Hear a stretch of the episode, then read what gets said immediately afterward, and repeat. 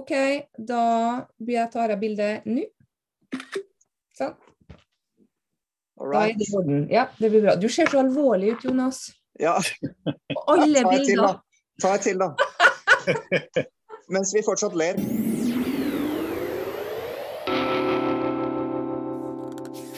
Kjære lytter, kjære bokvenn, medborger og medmenneske. Velkommen til denne episoden av Bladpodden. Vi må nesten kalle det en spesialepisode. Vi er så heldige å ha med oss Jan Kjærstad i studio. Velkommen til deg. Takk skal du ha. Og vi skal snakke litt om eh, Faktisk, vi skal gå litt i dybden på Du er nettopp nå ute med en eh, ny essaysamling, og hvor ett av essayene handler om The Waves. Så vi skal snakke litt ekstra om ditt forhold til The Waves, og ikke minst Eirins forhold til The Waves. fordi det vet du kanskje ikke, Jan, men det er en av favorittbøkene til Eirin, som selvfølgelig også er med oss. Journalist, kritiker, essayist og forfatter. Eirin Andresen Betten. Hei.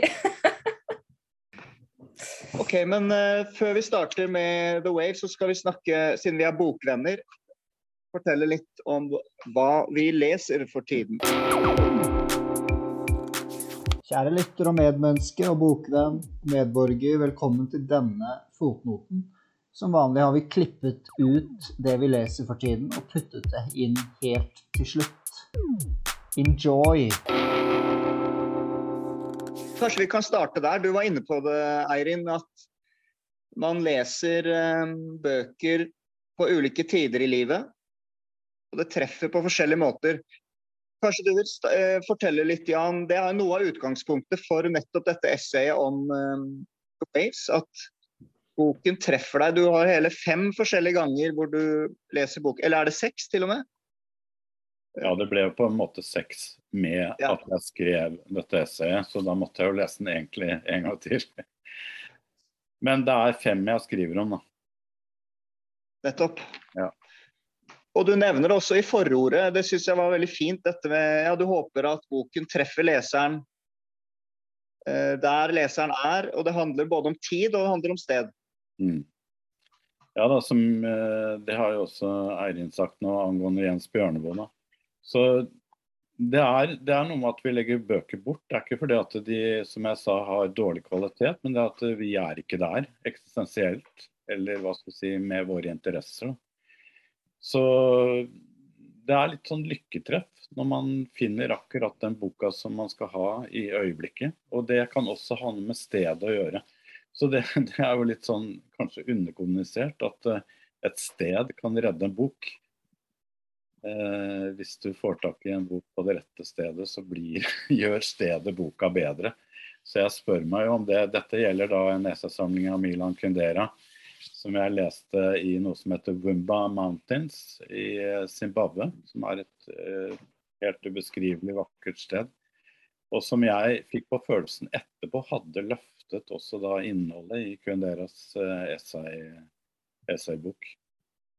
Men når det gjelder eh, The Waves, da, eller Bølgene av Virginia Woolf, så var jo dette her Jeg begynte jo fordi at jeg var i et miljø som, eh, som snakket om mye hva skal du si, eksperimentell eller modernistisk litteratur. og du da er det sånn at du ofte leser bøker som kanskje du selv ville ha valgt, men som venner da maser veldig mye om at du skal lese. Men jeg var også veldig nysgjerrig på den tiden, fordi jeg hadde lest eh, stort sett tradisjonell, konvensjonell eh, litteratur i 10-15 år. Og så begynner jeg å skrive selv, og jeg føler et veldig behov da for å, for å ja, søke etter alternative skrivemåter som eventuelt kan gi meg redskaper til, til, å, til å få nye ideer, og kanskje finne først og fremst nye skrivemåter. Eh, bli inspirert i nye former. Så da, så da var det en dag at jeg også kjøpte da eh, The Waves. Og den kjøpte jeg av en eh, flott person som heter Ingunn Lindborg, som nå er sjef i Cappelen Dam forlag. Eh, men hun var da student og jobbet i, på Tanum på Karl Johan, og var veldig belest. Så hun hun eh, var også en av de som anbefalte den boken, så jeg kjøpte den hos henne. Men eh, da jeg begynte å lese den på T-banen opp til Høyblokka på Ammerud, hvor jeg bodde i min første leilighet, knøttliten, noen og 30 kvadratmeter, så begynte jeg å stusse. Og enda mer når jeg kom hjem i leiligheten, da, så, syntes jeg at det var såpass merkelig og uvant at jeg holdt på altså Det var rett før etter 40 sider at jeg kasta den i søppelsjakten. Så det var en sånn viljeanstrengelse som gjorde at jeg tenkte litt sånn klokt at det kan komme en tid hvor jeg da kanskje allikevel kan få meg ut av denne boka. Og det gikk bare tre år, da, så tok jeg med på en uh, tur på hytta i Hemsedal.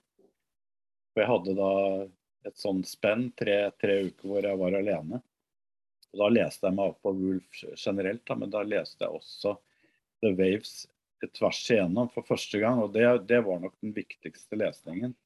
Og Det var både noe med det stedet. da, Det var sånn 20 kuldegrader jevnt over eh, de ukene. Veldig kaldt.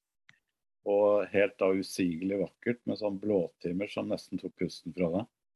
Eh, og da å lese den boken helt rolig, uten noe press, og bare la ting skje, det gjorde underverker. Så det ble da en roman som etter det gled inn både i meg, men også i det jeg skrev. Og det er jo sånn som ofte skjer ubevisst, mer enn bevisst. Mm. Hvordan var det for deg, Eirin, da, første gang du leste The Waves? Um, den var del av pensum. Så jeg var Hva blir jeg? 20, 21? Og så hadde jeg et Jeg studerte i England, og jeg hadde et fag som het um, English Novels and Their Settings. Så det handla om rom, britiske romaner fra Storbritannia. Og um, For det var, det noe, noe, det var noe skotsk der òg. Uh, eh, og, og, plass, altså sted, det var det som var Så jeg fant fram den, faktisk den eh, pensumlista. Og vi leste jo um, Uh, the Secret Agent, Women in Love, Howard Zen, Remains of the Day, Mary Barton, Jane Eyre, Mansfield Park osv. Charterism og Waverly og diverse. Um, og da Jeg greide jeg kan, eneste jeg kan huske Jeg husker at jeg skrev et essay om det, og det essayet finner jeg ikke. Jeg aner ikke hvor det er. Jeg prøvde å lete det opp på noen sånne gamle USB-sticks, men de funker jo ikke lenger. Men um, jeg, den, jeg kasta den ikke etter 40 sider, altså. Det gjorde jeg ikke. Jeg leste jeg leste den fra Jeg leste hele boka, og jeg, jeg, jeg vet ikke, jeg bare husker at den eh, som, Jeg tror alle sammen som leser den boka for første gang, egentlig sier at det, er, det er så mye motstand i den første gangen du leser den. den er, det er som om den på en måte ikke Den vil ikke bli lest. Og jeg tror jeg fant ut at det er en sånn viss rytme i boka som gjør at hvis du leser henne høyt, så er det enklere enn å lese henne inni deg. Da.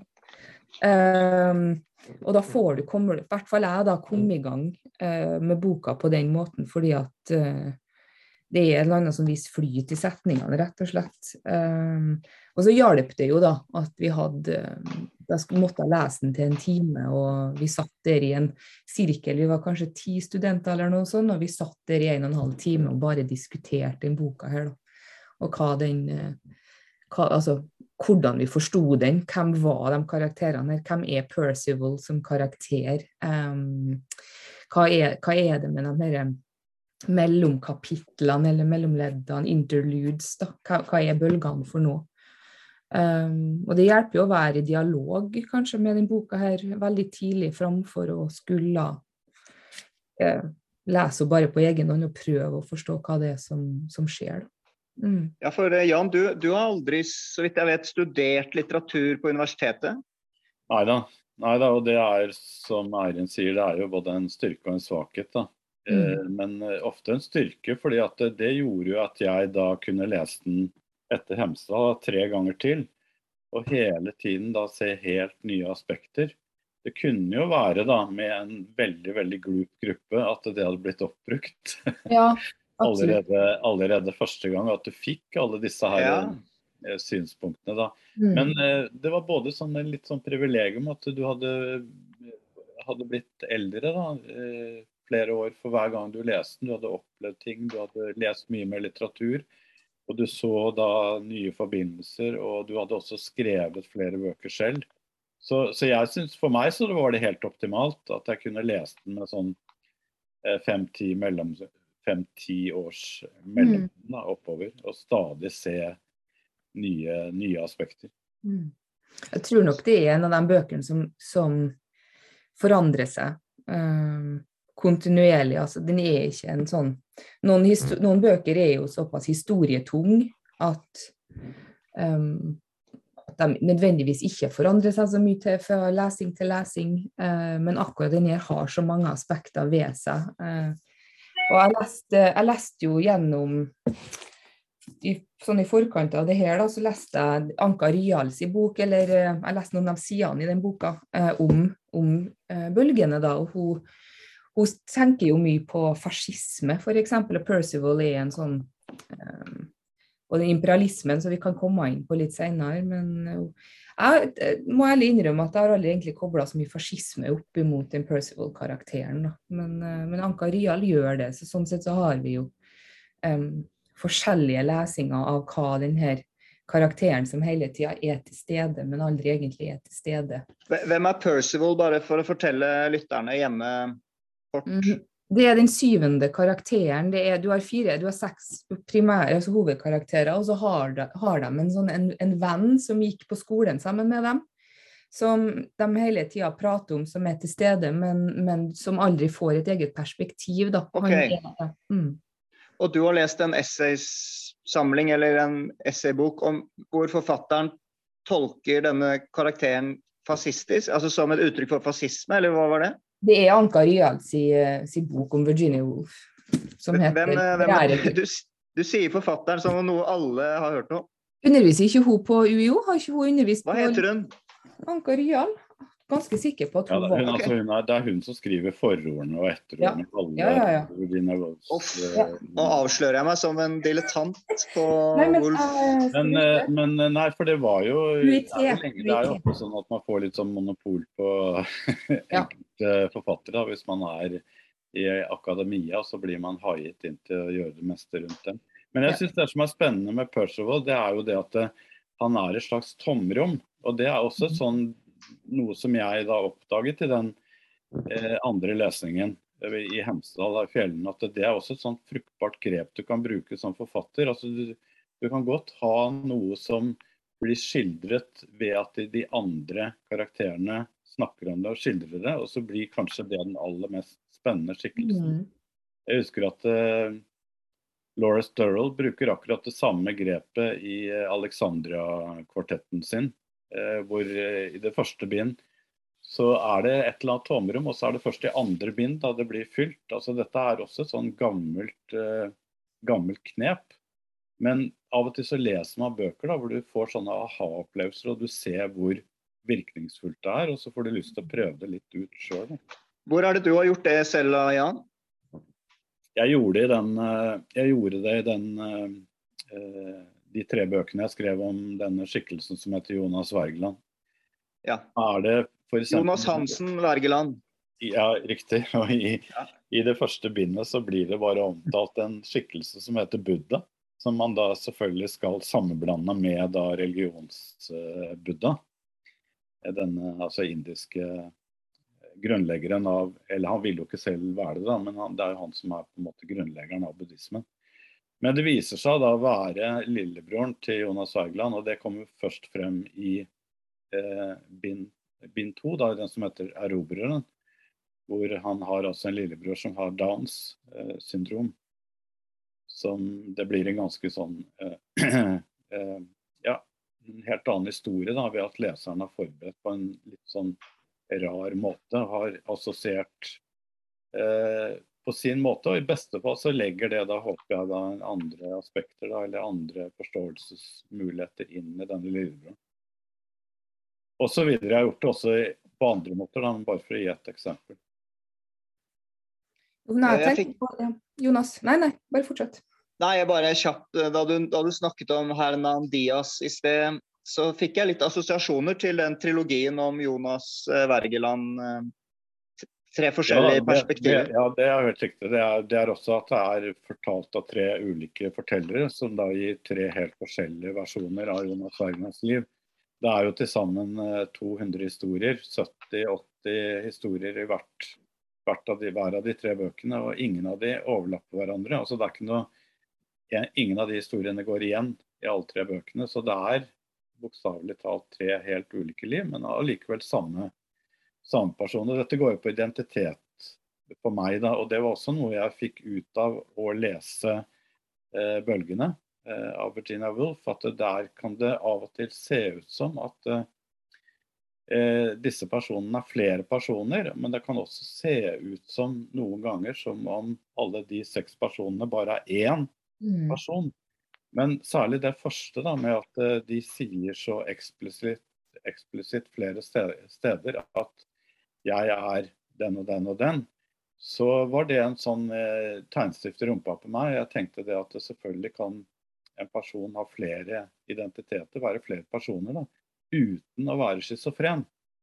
Og det tror jeg også er en sånn eh, forståelse av virkeligheten som det er mye mer rom for nå, med hvor da de fleste da, har vært eh, på nettet. ikke sant? Man eh, lager avatarer, man opererer som nærmest ulike personer. da.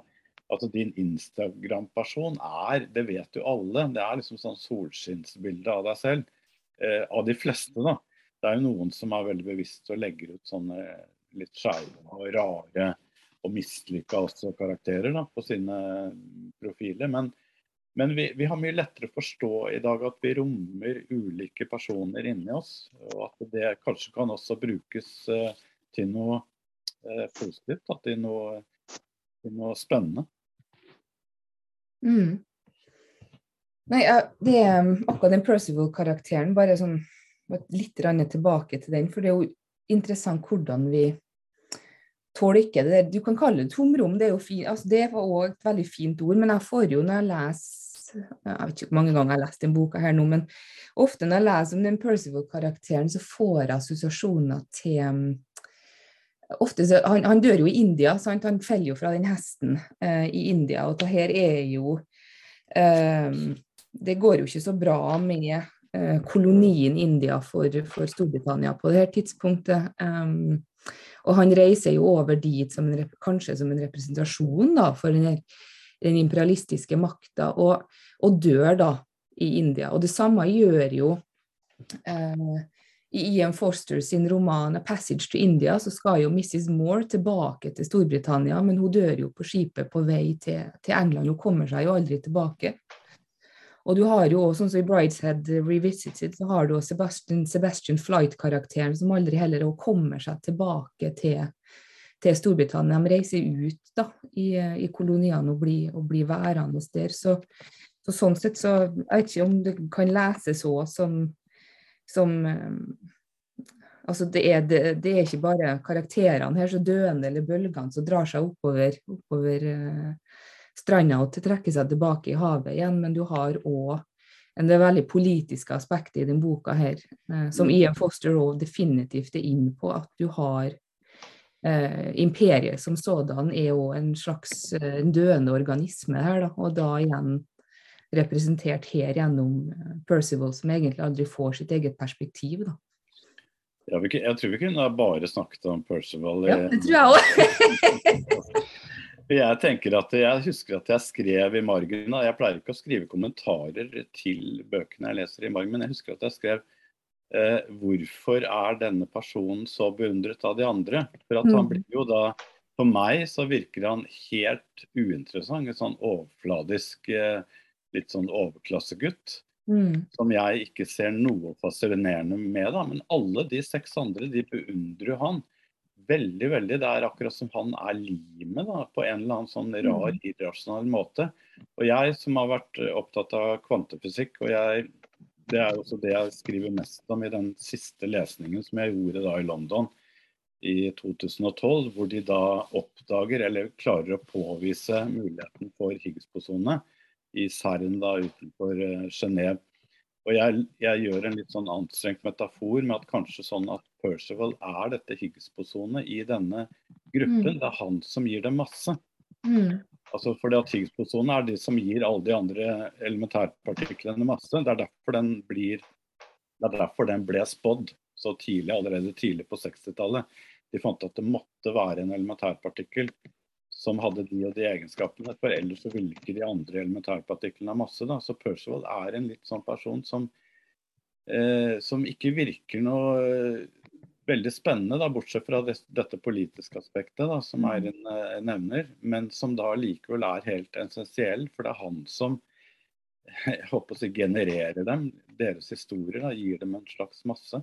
Mm. Og jeg har vært også opptatt av det Jeg har jo funnet ut at eh, Virginia Woolf hørte jo på musikk. Hun var litt overraskende for meg opptatt av Wagner. Altså det at hun liker veldig godt Beethoven, eh, er jo liksom noe du kan eh, tenke deg når du tenker på Bloomsbury, hele den gruppa der. Men, men eh, Wagner er jo litt sånn på kanten, tenker jeg også sånn når det gjelder Apropos sånn imperialisme og eh, stormannsgale tanker, da. Men Percival er jo en viktig person også i hele denne, dette mytestoffet rundt uh, Arthur og ridderen av det runde bord. Og i en av versjonene så er det jo han som blir sendt ut for å finne den hellige gralen.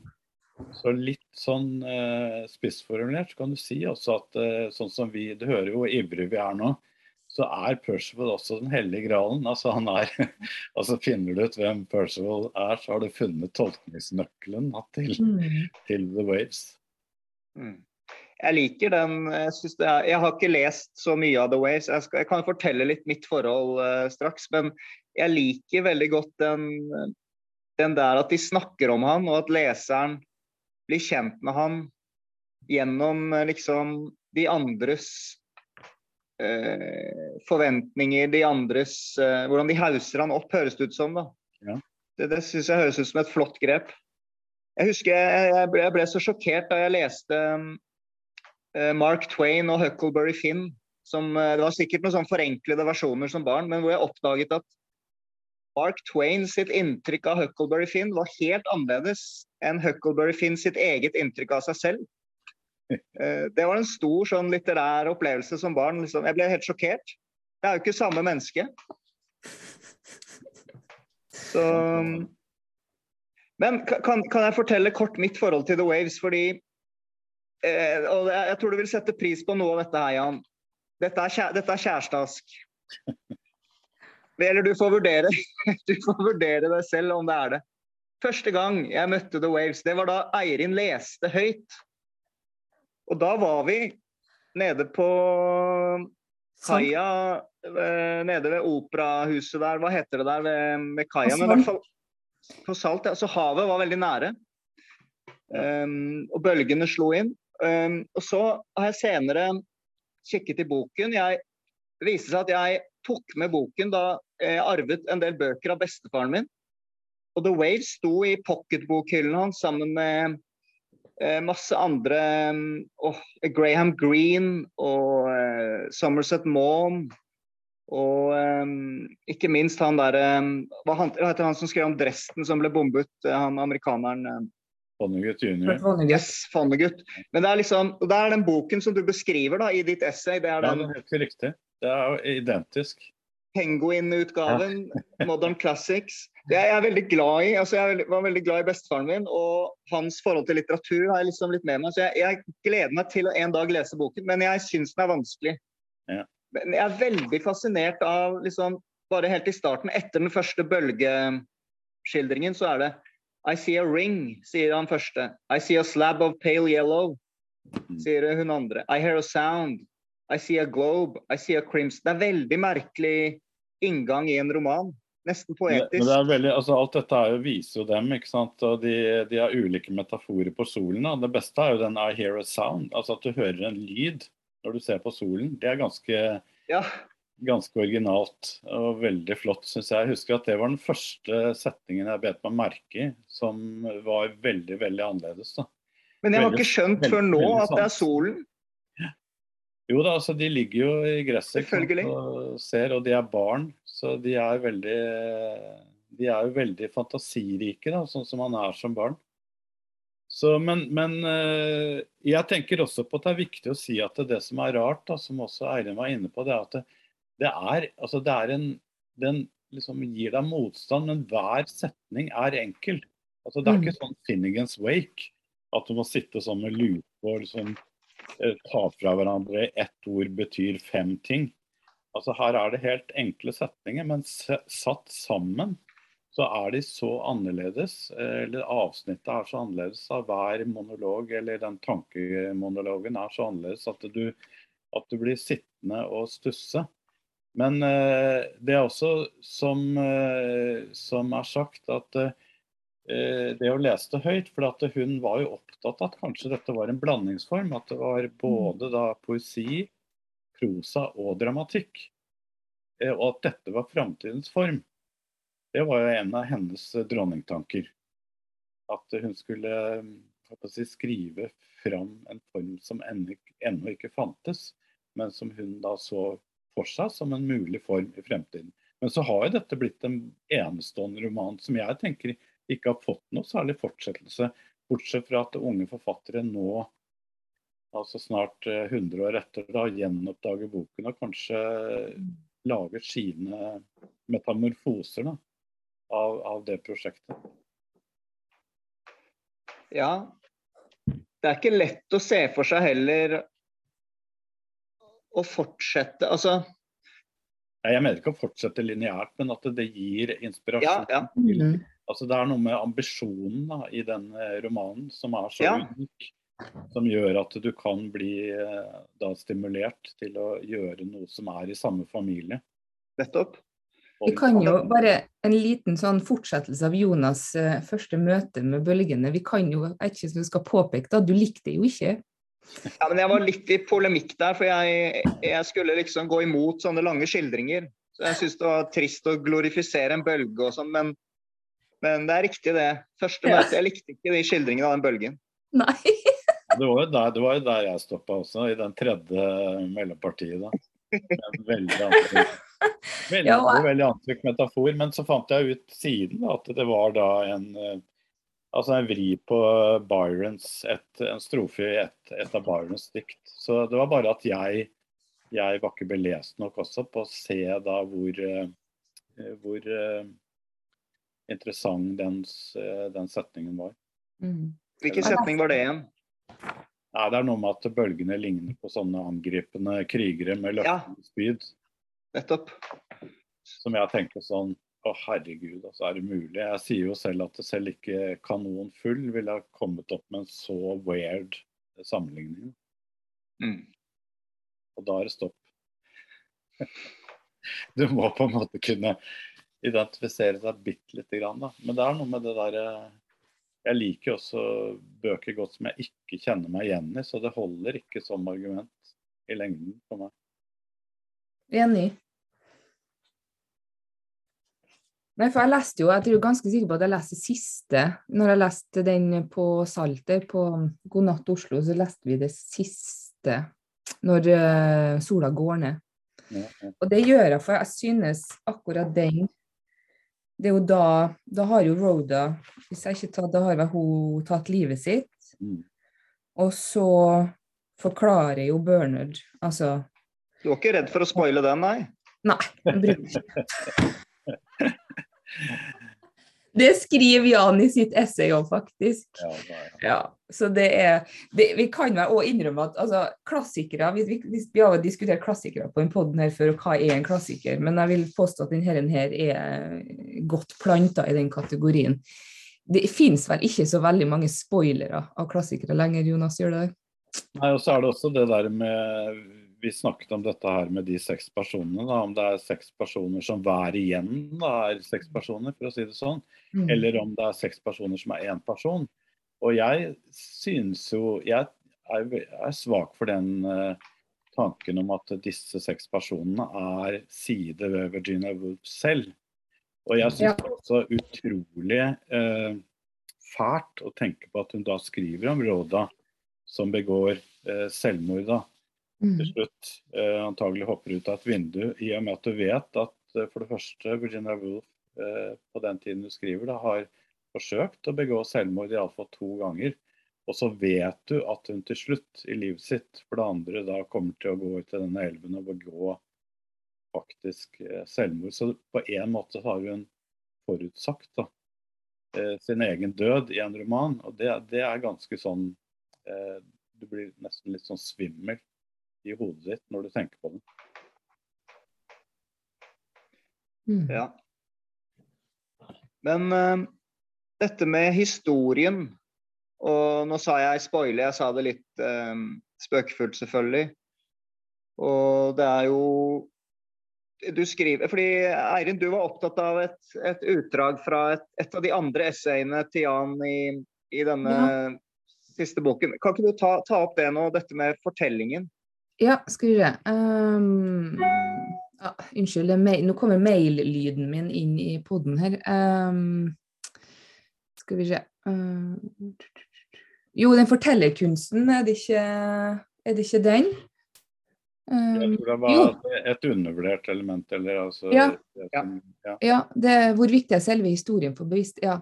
Eller spurt annerledes, ja, har vi i Norge for mye traust og trygg, lamert og knapp fortellerkunst paret med akkurat så forsiktig fabulering og underfundighet at det blir applaudert fordi det ligner på den fortellerkunsten vi kjenner igjen fra i går, attpåtil fra vårt eget land?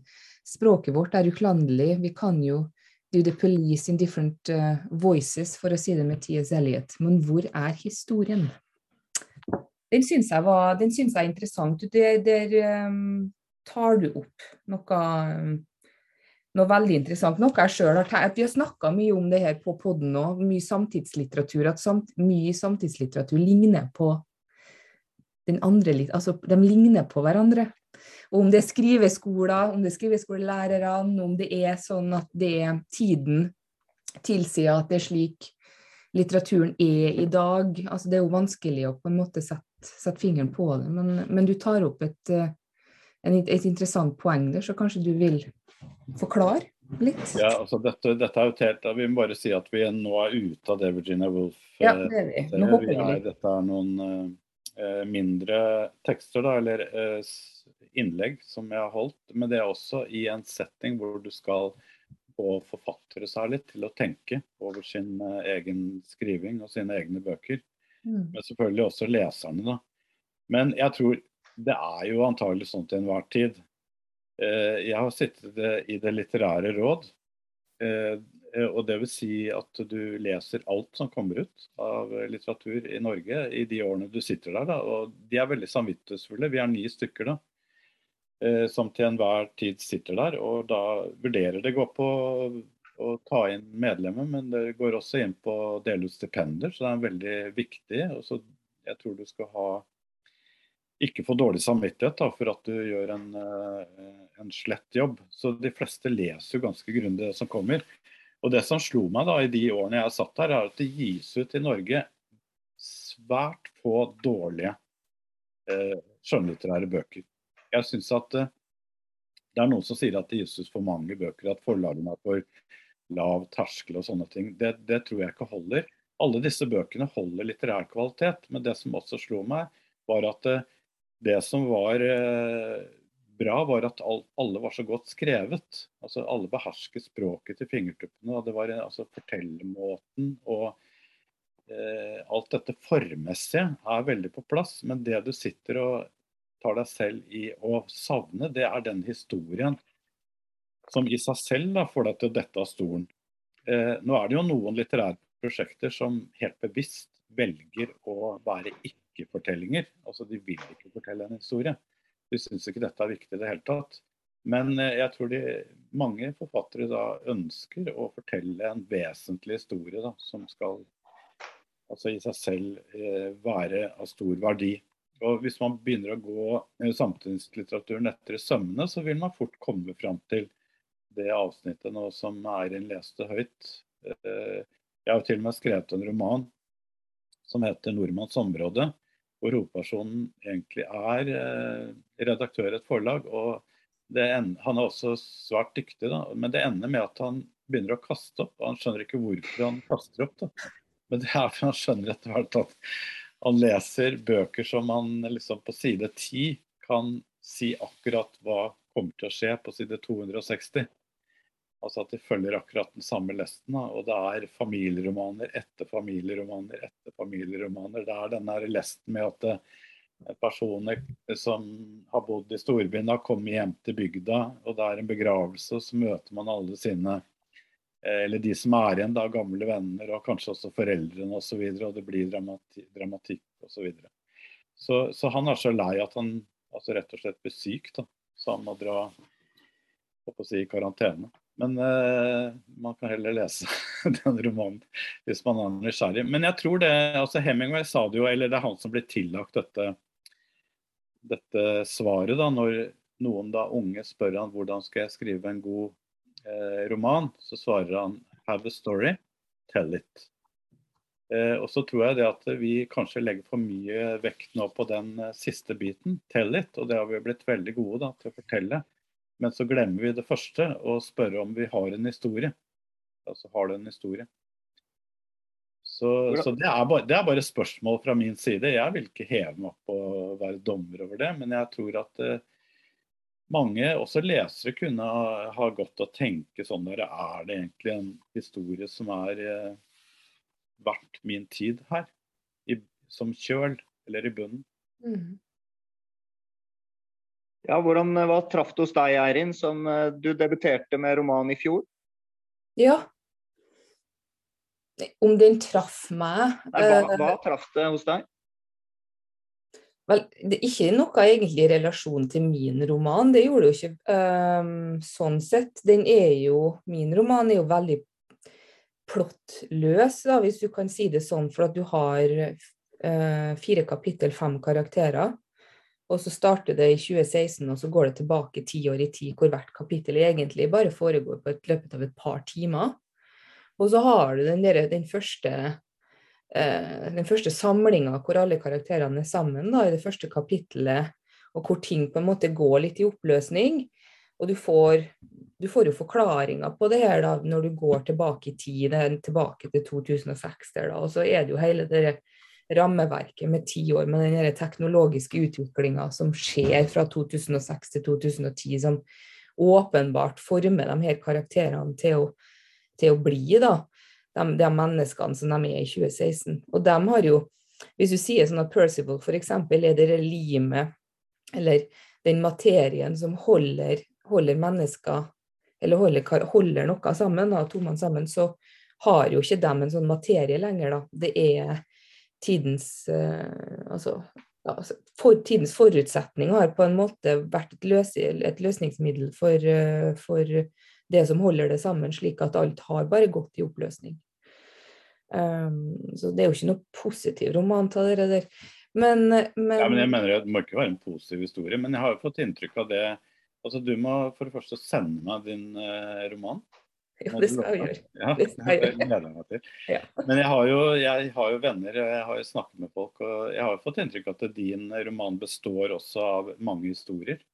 Ja, det gjør det. Man, man, finner ut hvem disse personene er også ved de historiene de, altså, som blir fortalt om dem. Ja, for de har jo fått hver sin, sin historie, da. Ja, så det trenger ikke å være Jeg tenker ikke at plott Det er ikke det jeg spør om. Nei, Nei det, det, var det jeg mente. Og det, det, ja. Mm. Okay. Men, ja.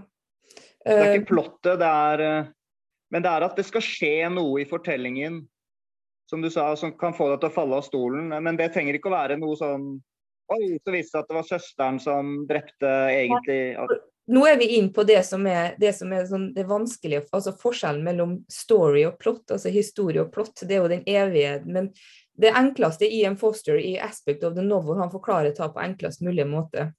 Altså, A story har bare sekvenser, ikke sant? The king died and then the queen died, sier han. Og så har du plott, og da har du årsak, og da har du the king died and then the queen died of grief, og da har du grief a causality, ikke sant? og da har du et plott. Så det er forskjell. Det er sånn, Jeg prøver å fortelle elevene mine, for da greier jeg å forstå det. Men jeg må, jeg må skyte inn her at uh, jeg har jo akkurat lest uh, Martin Amys nyeste bud på en slags selvbiografi, men det blir uh, sagt at det er en roman. da. Men han sier at den setningen er egentlig ikke helt bra. Nei, den er, den er kanskje ikke bra, men den er enkel. Dronningen så, nei, første døde konge så det ja. kunningen av sorg. Han mm. mener at det ordentlig plott ville være så døde dronningen tilsynelatende. Ja. han, han, vil, ha inn det ordet der. da får det mye mer dynamikk i det. da. Ja, men det kan jeg være med på. Da har, du, da, har du, på en måte en krim allerede? Ja, da har du en krim. ja, og krim er jo godt tungt. Kan du ikke utdype litt uh, hva du mener med his historien da, hvis det ikke er liksom de trenger Nei, det kan være veldig forskjellig, og det er, det er ikke noe som var en god historie. Men eh, altså, bare, man skal alltid være konkret. Tenk på Kafkas eh, 'Metamorfosen'. altså Mm. Gregor Samsa våkner opp en morgen og har blitt eh, det, Han blir egentlig ikke en bille. Altså Han blir et slags insekt. da. Altså det, bare den svimlende tanken der, det er for meg altså en historie som får meg til å måpe. Eh, og finne på noe sånt. Men du har, det kan være å si hva som helst, men det er Jeg gir i dette essayet jeg tror det er fem-seks eh, eksempler da, hvor jeg pitcher eh, det jeg tenker er gode historier. Altså, jeg begynner med Balzac, oberst Chaubert, som, som egentlig er, alle tror er død. Og han har vært død lenge, sant, i mange år. Så plutselig kommer obersten til sin by og er levende. Det viser seg at han har, har overlevd. Da. Det er også sånn åpning på en historie som du ser fram til å lese fortsettelsen Mm. av. Så det det det er eh, det, Historier er, er en slags sånn perler, da. Du bare finner dem, tror jeg. Ja, tenk på, tenk på Philip Ross sin eh, roman um, uh, 'The Human Stain', f.eks. Altså, Ja. der, har du jo, eh, der har du jo den litteraturprofessoren som uh, uh, som lurer på hvor, hvor elevene er. Så han spør uh, 'Are they spooks?' Og så spooks er, et, er jo et, tydeligvis et, et annet ord for, eh, for eh, afroamerikanere eller mørkhuda mennesker i USA på det her tidspunktet. Og så viser seg da han eh, er såpass lyshuda at han blir forveksla med å være jødisk. Men han er jo afroamerikaner sjøl, men har mista likevel jobben fordi at han har latt seg sjøl bli trodd at han er noe annet. Og har du, der har du en god historie. Så det løser seg jo altså det her opp. Og det er jo det er det overraskelsesmoment. Hvis vi bryner, hvis vi bryner eh, The Waves mot dette, da. Hvordan står eh, The Waves seg historiene i The Waves? Nei, det, det er et eh, godt motargument. For det, her er det ikke historien i seg selv som får deg til dette av stolen. Det er, det er at det er en annen måte å skildre mennesker på. Gjennom eh, fremstillingen av eh, en gruppe mennesker. da. Og Det er det som er spennende for meg. Det som var revolusjonen for meg til syvende og sist, da, det var jo de, fjerde og den femte lesningen med tolv års mellomrom. Jeg begynner å se at det her her kan jeg plutselig selv få noen tanker om at jeg kanskje heller bør skildre mennesket eh, horisontalt enn vertikalt. Altså, jeg har alltid vært veldig antifreudianer. Alltid, altså, jeg, jeg mener bare at Freud er selvfølgelig. Altså, det er helt, man trenger ikke å diskutere om barndommen er viktig for et menneske. Selvfølgelig er det det. Men det er, det er mer å hente om hva et menneske er enn bare det. Og enn å grave nedover og nedover vertikalt. Da. Så dette her med å ta inn da bølger og havet, og det at det er en ting som beveger seg, og det er en strøm osv., og, det står i relasjoner til andre ting, at vi har en omkrets som er like spennende som den dybden vi har, det var for meg den store beholdningen med den boken. Så jeg tror at det, man skal si at det er ingen uh, skjønnlitterære bøker som har alt. Eller i hvert fall ytterst, ytterst sjelden. Men, eh, men eh, når det gjelder sånn For å komme tilbake til det, altså samtidslitteraturen, norsk samtidslitteratur, så kan man kan jo være på sin plass å etterlyse da ting som man sjelden, sjelden eh, altså biter seg merke da, som den eksepsjonelt eh, gode historien. Mens uh, The Waves er da et eksempel på at når en bok har så store kvaliteter da, når det gjelder f.eks. det å komme inn med alternative eller andre måter å skildre mennesker på. uh, som at mennesker glir inn i hverandre, f.eks. Som jeg har vært veldig veldig opptatt av i de siste romanene mine. da, Så, så tenker jeg at da har du mer enn nok med å bite det da, og forsøke å fordøye det. Og også nyte det, rett og slett. For det er også en nytelse å få ny innsikt på den måten, eller få sånne kvestende spørsmål. Hva, hva menes med at mennesker glir inn i hverandre? Nei, Det er det en- enkle bildet, da, hvis du tenker deg på bølger. bølger jeg, jeg, jeg, jeg har jo den siste versjonen min, det er denne her, da, som er en ganske Ja. som er Oxford. Ja. Oxford, vi må beskrive de for lytterne. Oxford som du hadde, Jan, det var masse Ja, bølger er, på der, der ser du veldig tydelig at de har brukt et mønster da, som ikke engang er et mønster som skal foreligge forestillebølger, men hvor designeren har funnet et uh, mønster da, som, som, uh, som man fort begynner å tenke Ja. bølger på. Men Se på din, Eirin, samtidig. Sånn, så det er havet og bølgene. Men hva er et maleri, tror jeg, fra Det er et maleri. Og jeg har, det, jeg har et maleri av havet og himmelen, og jeg har da maleriet av selveste forfatteren. Ja. sånn.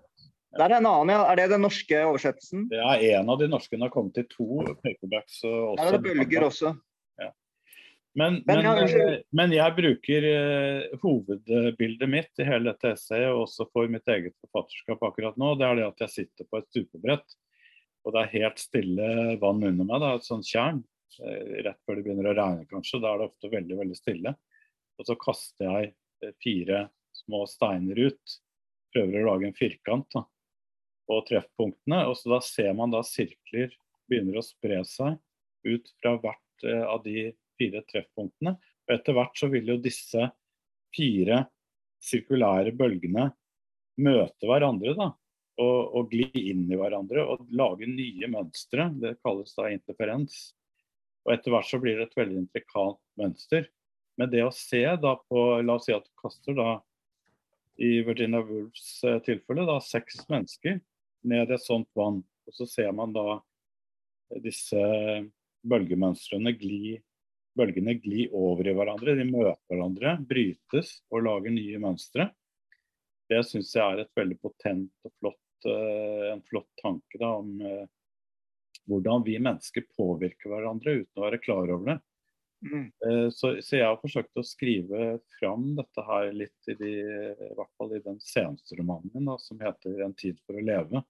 Så er det tolv personer som sitter i en sal, eller to av de er på scenen, hvor de egentlig ikke snakker sammen, hvor de allikevel påvirker hverandres liv uten at de er det bevisst. Og de forandrer også. Alle er i en konflikt. De har en, et problem i kroppen. Da. Det skjer noe med denne konflikten eller problemet ved at de er i den samme salen. Da. Og de er ikke klar over det selv, men leseren kan da observere hvordan disse menneskene også da bryner seg mot hverandre og på å kolliderer, da, selv om de set, sitter da på ulike rader. Men det er da bølgene deres som da brer seg ut, og som da møter hverandre.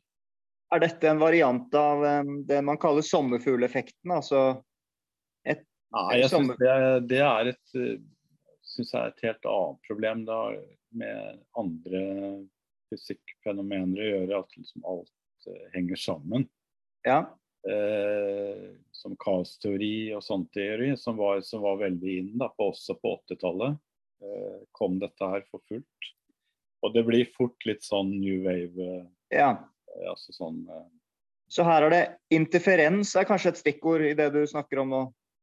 Ja, du kan heller si det at, eh, at, at ting glir over i hverandre. For det, det ser man veldig tydelig da, når man sitter ved vann og ved hav. At ting som går i ulike retter og at det glir inn i hverandre. Det at man er flytende. Vi er veldig vant til å se på mennesket som eh, altså noe fast. Da. Som en, eh, vi har en fasong. Ikke sant? Og det å prøve, se for seg mennesket som oppløst til noe flytende, det blir et mye mer dynamisk, syns jeg, da, spennende bilde som gjør at du kan eh, tenke kanskje nye ting om hva som kan skje med da Ikke minst da mennesker som et kollektiv. Både et lite kollektiv, da, men også et stort uh, kollektiv. Altså du har et nettverk på en helt annen måte. I stedet for å snakke om et nettverk, så snakker du om da noe som er bølger som uh, møtes. Mm. Jeg har lyst til å, apropos bølger nå, jeg vil jeg dele hvor, hvor jeg var da jeg leste ditt essay om the waves.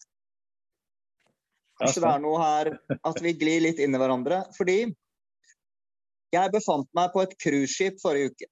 Wonder of the Seas, verdens største cruiseskip. Og ble invitert av mine foreldre.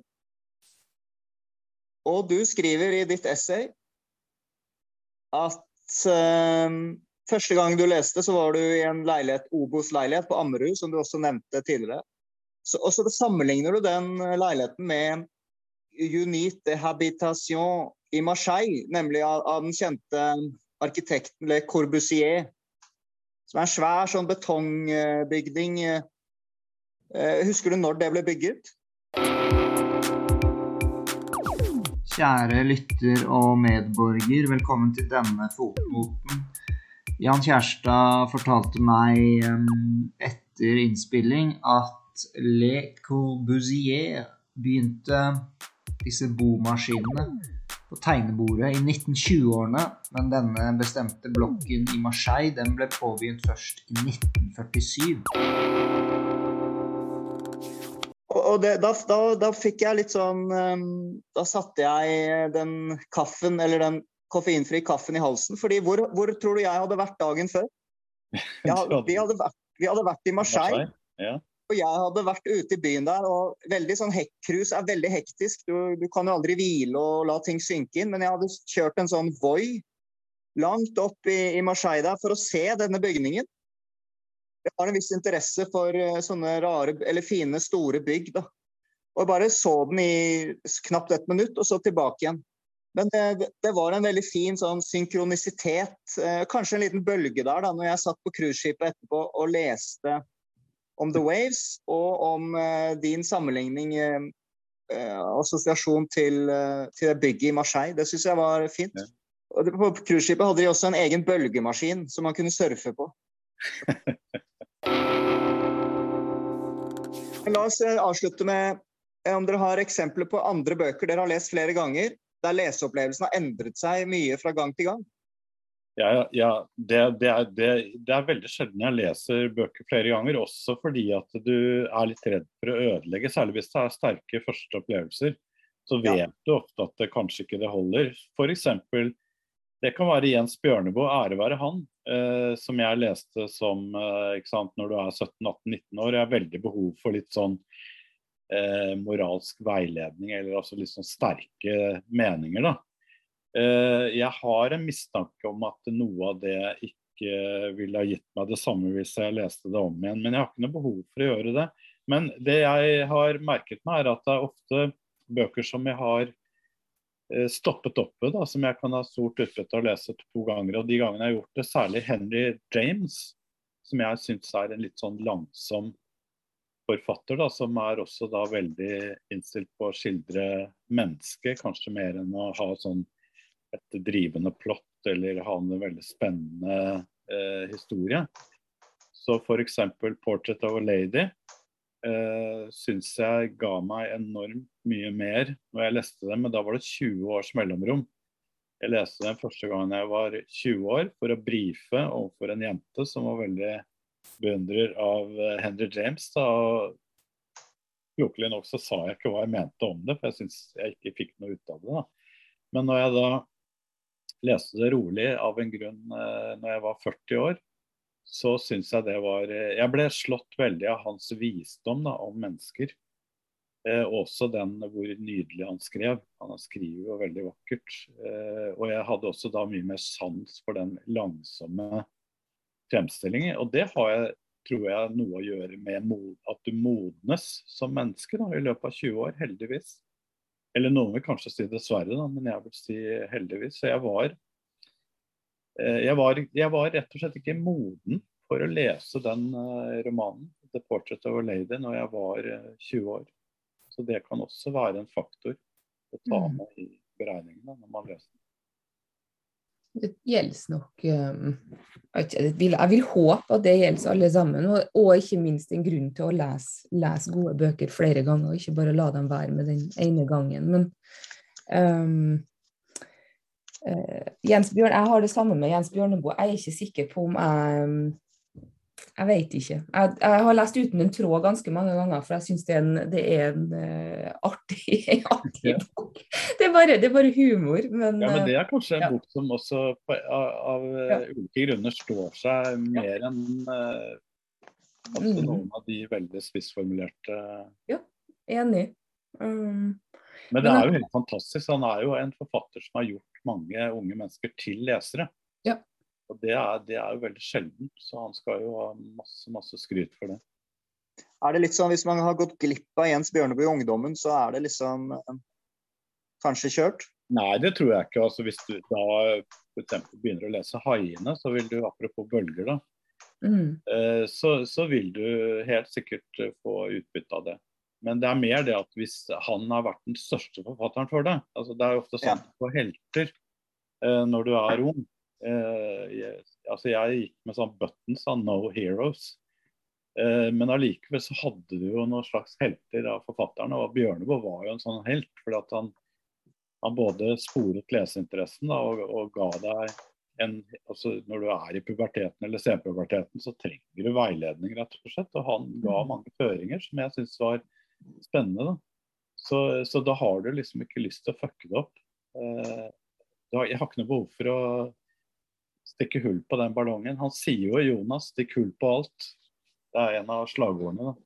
Jeg har, um, var, i, var på ferietur i uh, England med noen venner da jeg var 18 år. Og de um, var veldig opptatt av De skulle få med seg veldig mye sightseeing. Vi var i London og så var vi i Brighton. Uh, og det var varmt, husker jeg. Kjempe, kjempevarmt. Og de skulle ut og handle. Og det skulle, vi skulle inn på Tower of London osv. osv. osv. Jeg var sånn helt passe interessert i, i alle de tingene der.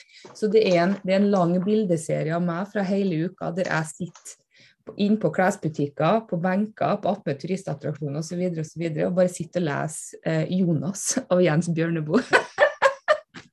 og det står som en sånn veldig stor leseropplevelse, for jeg husker at jeg, hadde, jeg ville heller sitte på den benken enn å se på kronjuvelene. Det var sånn den der dronningens kronjuveler ble litt sånn Jeg, jeg husker jeg var ikke Kan, kan, kan, en, kan en forfatter få en større kompliment? Nei, ikke sant?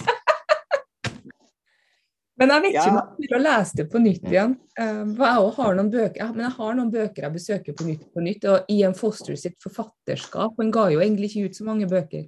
Mm. Det er, de, dem eh, leser på nytt. Um, og jeg synes, spesielt av 'Passage to India', synes jeg får nye ting ved seg. Um, Ja, og visste du det at uh, bare for å eh, ta runde av da, på, i kontekst, at Virginia Woolf og Leonard Woolf betydde veldig veldig mye for Ian Forster i den prosessen. Han slet jo veldig. mm, Det er jo den siste store romanen hans. Det det. han, den satt veldig langt inne, og det var mye takket være ikke minst Leonard eh, Wolff, altså mannen til Virginia, Mm. at eh, den han fikk da eh, overskuddet da, til å endelig eh, få skrevet den eh, ferdig. Så de, de var veldig viktige i den prosessen. og det jeg tenker også at eh, 'Bølgene' er en roman om vennskap. Mm. Og det var noe med den Bloomsbury-kretsen da, som Mm. hadde et veldig spesielt eh, vennskap. Det var jo en veldig radikal krets på den tiden, da, på godt og vondt. Og det har blitt både harselert med og beundret eh, senere. Alle vi har jo forsøkt å lage sånne kretser i, i perioder av av Mm. livet vårt. Det er et slags forbilde da, å ha en krets som virker så sterkt på sine omgivelser, som har en så Mm. stor ringvirkning, for å bruke det bølgemetaforen. Men, eh, men det viser også at vennskap kan være eh, Dette vennskapet i bølgene da, til Wolf, det er også noe som speiler vennskapet i Bloomsbury-kretsen. Og det vennskapet var da svært viktig for eh, Forster, som var med i den kretsen. Mm. Og som gjorde at han da faktisk klarte å skrive ferdig da 'Passage to India', som er en praktfull roman. Ja, virkelig. Og han hadde jo òg samtidig lagt Maurice, den lå jo i skuffa, den dukka jo ikke opp før hva i 1972, et år etter at han døde, som jeg bl.a. fikk Jonas til å lese. Kjempefin bok. Ja, og det, du skriver jo litt du om eset ditt, og det er jo ikke alle bøker som altså Det blir jo anbefalt masse bøker, men akkurat den tror jeg anbefalt Jonas. Ja, eh, Ja, det, Det, det hell. ja men eh, det er supert. Eh, Skal vi stanse der? Men før vi gir oss, kan vi, kan vi ta et bilde, Eirin? Kan du ta knipse et bilde mens vi holder okay. The Waves? OK, men uh, før vi starter med The Wave, så skal vi snakke, siden vi er bokvenner, fortelle litt om hva vi leser for tiden. Så ja, kanskje du har lyst til å starte, Jan? Ja, det, er, det passer godt. For jeg var, jeg er, altså hva vi leser, jeg er akkurat ferdig med, da, men det teller vel det også, med en uh, roman av Hernan Diaz som heter 'Trust'. Uh, som jeg syns var Jeg hadde ikke nevnt den hvis jeg ikke syntes den var spennende. for jeg er sånn at hvis jeg da har lest igjennom en roman, så har jeg likt den. Det er da nå at hvis jeg ikke får noe ut av det, så stopper jeg ganske tidlig. Og det er ikke fordi den er dårlig, men jeg er ikke der. Så jeg bare legger det bort. Jeg finner noe som tenner meg. Men dette er en, dette er en roman som er dette kjente synsvinkel. Eh, det er en roman om en, en ja, søkkrik investor eh, tidlig 1900. Og den går særlig rundt 1929 og krakket på Wall Street. Og det er først da en roman om hans liv og så blir da hovedpersonen eh, bestyrtet, så han bestemmer seg for å skrive sin selvbiografi. For å rette opp dette inntrykket som den romanen gir. Og da må han ha ghostwriter. Og så kommer den med masse sånne formmessige snacks med at uh, her må du fylle inn osv. Så, og så som, som tredje bolk så kommer da denne ghostwriterens uh, beretning om hvordan hun har fått jobben og hvordan hun syns dette har vært. da. Så du får på en måte en tredje versjon av den samme historien. Dette hørtes veldig kjærestask ut. Ja, det hun ikke har skrevet. Og til slutt så får du kona, da, for dette er også et forhold veldig til hans, uh, hans kone. Så det, på en måte så er det fire versjoner av den uh, samme historien. Men det, dette er jo eldgammelt, så det er verken Kjersti Asker eller noe annet. Dette er sånn like gammel som litteraturen, men det er gjort på en veldig sånn elegant og og tankevekkende måte. Da. Så jeg fikk mye ut av det. Skrev mye i margen. Det er et sånt kriterium når jeg har skrevet mye i margen, som ikke er sånn eh, at jeg sier dette er bra metafor eller noe sånt, men du får egne ideer, da, så er det for meg tegn på at det har vært en eh, fruktbar eh, leseseanse. Hva, hva het forfatteren?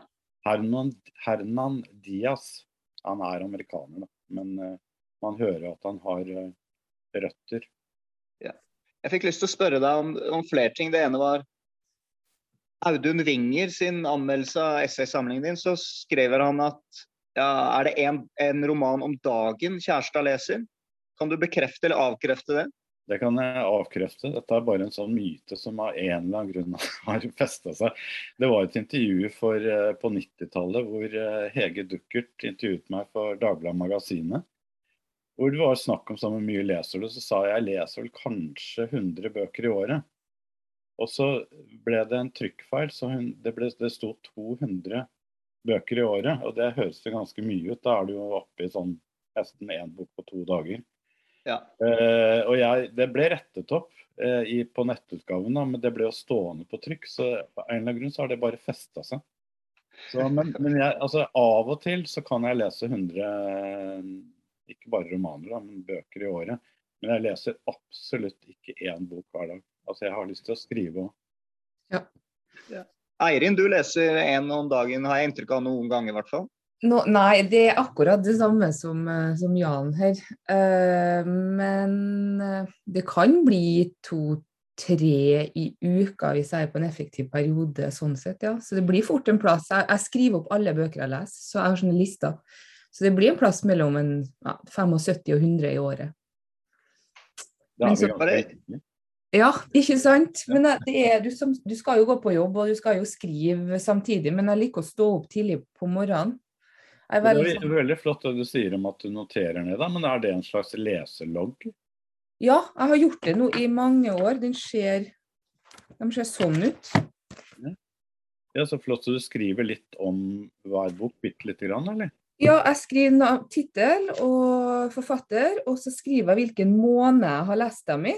Og mm. så Det er av og til at jeg ikke fullfører dem av en eller annen grunn, så hver gang jeg har fullført bok, så setter jeg også et sånt kryss. Så ofte så er det noen sånne åpne sekvenser som Da er det bøker som ikke er blitt lest ferdig, da, så da vet jeg det. Så har jeg sånn full oversikt. Mm. Men jeg skulle, skulle gjerne ønske at jeg var flinkere til sånn journalføring og skrive og sånn, men det er sånn som det jeg skriver i margen. Så jeg tenker, altså, det her er min versjon av The Wave, så den ser jo sånn ut. Ja, ja. Så den er, hele boka er sånn, så jeg skriver, jeg skriver alltid med i penn, da. Nei, jeg leser alltid med penn, unnskyld. Ja, Hva leser du for tiden da, Eirin? Jeg leste Neil Postmans i bok 'Amusing Ourselves to Death'. Som handler om Den kom vel ut på 80-tallet, men det handler om um, Det er en slags forlengelse av Marshall McLuhans 'Understanding Media'. Uh, men han bruker um, Huxleys bok 'Brave New World' som hypotese hvor eh, hvor altså karakterene i Brave New World er jo på en måte blitt passive fordi at de er sånn overstimulert. Sånn at det er ingen, det er ingen, ingen grunn lenger til, til å være i opposisjon eller til å være kritisk, fordi at media og glede og underholdning har gjort oss til sånne passive eh, observatører. Da. Og Neil Postman skriver om det, og hvordan um, hvordan massemedia og selv nyheter egentlig er en form, oppleves som en form for underholdning og skaper en, en viss passivitet da, i befolkninga. Og du får jo litt sånn eh, Når du leser den, så merker du at han er jo veldig Habermas mente jo at uh, vi, for å være på en måte en opplyst borger, så skal du være litt sånn på alerten. Du skal være, eh, få med deg alt, du skal være kritisk til alt, du skal være opplyst. Og for å være en en absolutt opplyst borger i et sunt demokrati, så må du, må du kunne noe om alt. da. Um, og Postman her hevder jo at det lar seg vel egentlig ikke gjøre, fordi at den derre massemedias konstante strøm av underholdning har gjort oss passive, og dermed ikke egentlig gjør oss til kritiske tenkere lenger. Det, dette var en bok som vi var veldig opptatt av. Jeg var redaktør av, av Vindu, da, det tidsskriftet på, i den perioden den boken kom. Mm. Så vi diskuterte den. Den var jo, slo jo veldig igjennom, da. Mm. Alle som var interesserte. Og det som er, gjør at den boka lever, er at den er eh, om mulig enda mer adekvat i dag. Mm. Sånn som, du, sånn som du akkurat sier nå. Absolutt. Jeg har jo brukt en del tid på som, som medielærer å prøve å forklare dem, forklare elever hva opplyst, hva det vil si, altså hva vil det si å være opplyst. Hva vil det si å være en kritisk tenker, og det er jo vanskelig i seg sjøl, men, men det å la um, Altså det å alltid ta minste motstands vei, da, gjør deg iallfall ikke til en mer kritisk tenker. Hvis du har lyst til å på en måte Hvis du har lyst til å greie å forstå hva det er som foregår rundt deg, så må du oppsøke informasjon som, som, kanskje gir deg litt motstand, som du er tvunget til å prøve å forstå, da, prøve å analysere. Um, som gjelder òg litteratur, for den saks skyld. Det er masse litteratur du leste på videregående blant annet, som du ikke forsto, men som du måtte plukke opp igjen 10-15 år etterpå fordi at du fikk et helt annet har et helt annet forhold, eller du har lest såpass mye imellom at litteraturen plutselig um, fortoner seg annerledes for deg, da, fordi at du, for, altså, du forstår den. Jeg forsto ikke Jens Bjørneboe alt jeg leste av Jens Bjørneboe på videregående, men jeg forstår det jo mer i dag, mange, mange år etterpå. sant?